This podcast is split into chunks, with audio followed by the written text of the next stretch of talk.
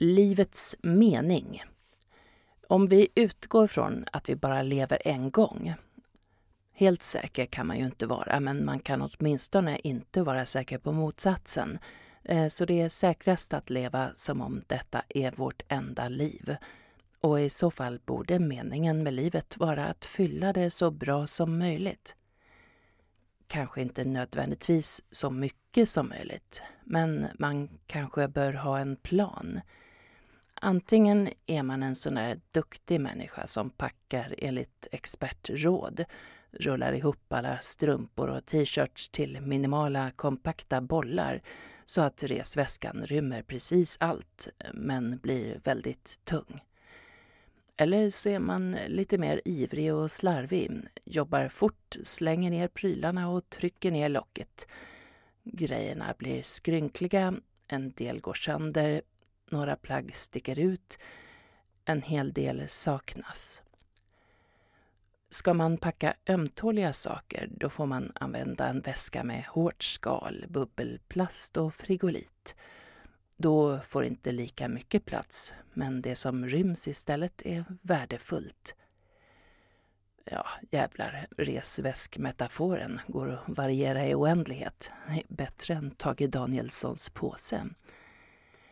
När man väljer packmetod ska man förstås ta hänsyn till vilken sorts människa man är, vad man är bra på. Inte för att man alltid kan eller bör göra det man är bra på. Då blir man ju aldrig bra på något annat som man kanske hade kunnat bli ännu bättre på eller hade tyckt var roligare. Livets mening skulle också kunna mätas i hur många anekdoter man samlar på sig.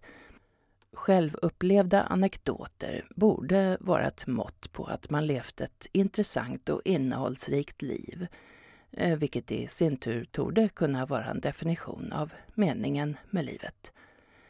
Kan man dessutom glädja sina medmänniskor med roliga, intressanta och rent av lärorika anekdoter så blir man också uppskattad i umgänget, Eh, vilket för ett socialt djur som även den mest enstöriga människa är, stärker självkänslan. Problemet är att välja vad man ska göra för att samla material till sina anekdoter. Det ska kanske inte vara ett självändamål, förutom att det väl är en läggningsfråga. Vill man, eller passa bäst för att göra en massa olika saker utan att fastna i något, då får man ju inse att man sannolikt inte kommer kunna komma särskilt långt eller djupt i något speciellt fält i syfte att samla anekdoter är det dock en effektiv metod.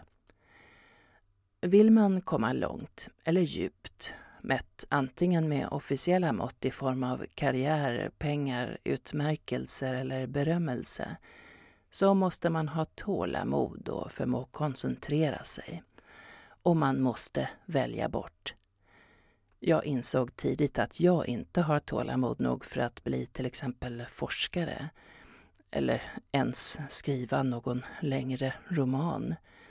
Eh, specialisera mig på en pryl. Jag är överhuvudtaget rätt kass på stora, långsiktiga projekt. Över en viss skala tappar jag överblicken och greppet.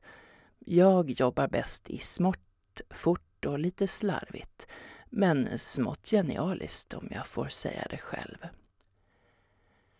Även om man gett upp drömmarna om sån där framgång så tycker jag att en stor del av livet går ut på att välja bort för att tiden ska räcka till att göra något vettigt av det man trots allt gör. Skala bort intressen, vänner, saker. Berömmelse borde vara ett mått på ett framgångsrikt och därmed meningsfullt liv. Men jag vet inte. Surt sa räven, men jag har nog aldrig tyckt att det är något eftersträvansvärt att vara kändis på det där vanliga, kortlivade sättet. Nej, då måste det vara något storartat. Ska man bli känd ska det åtminstone räcka ett par generationer. Äh, ett par räcker inte, tre, fyra är väl ett minimum om det ska vara någon mening.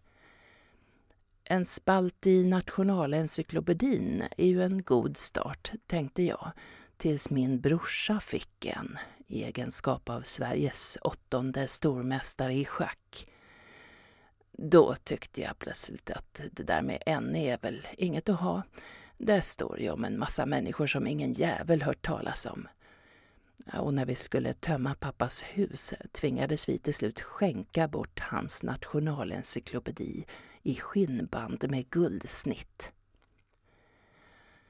Ja, göra något viktigt då, något världsförbättrande. Skapa konst, musik eller skriva en bok som kommer att leva vidare länge, länge. Eller så kan man anta det kanske klassiskt kvinnliga perspektiv som min mamma när jag frågade henne en gång vad hon tyckte var livets mening. Att ha fått två fina ungar och se dem växa upp. Så himla smått, så provocerande, självutplånande, överdrivet, ödmjukt. Men när jag nu själv har två fina ungar som passerat myndighetsåldern är jag inte längre lika kritisk mot mammas uttalande.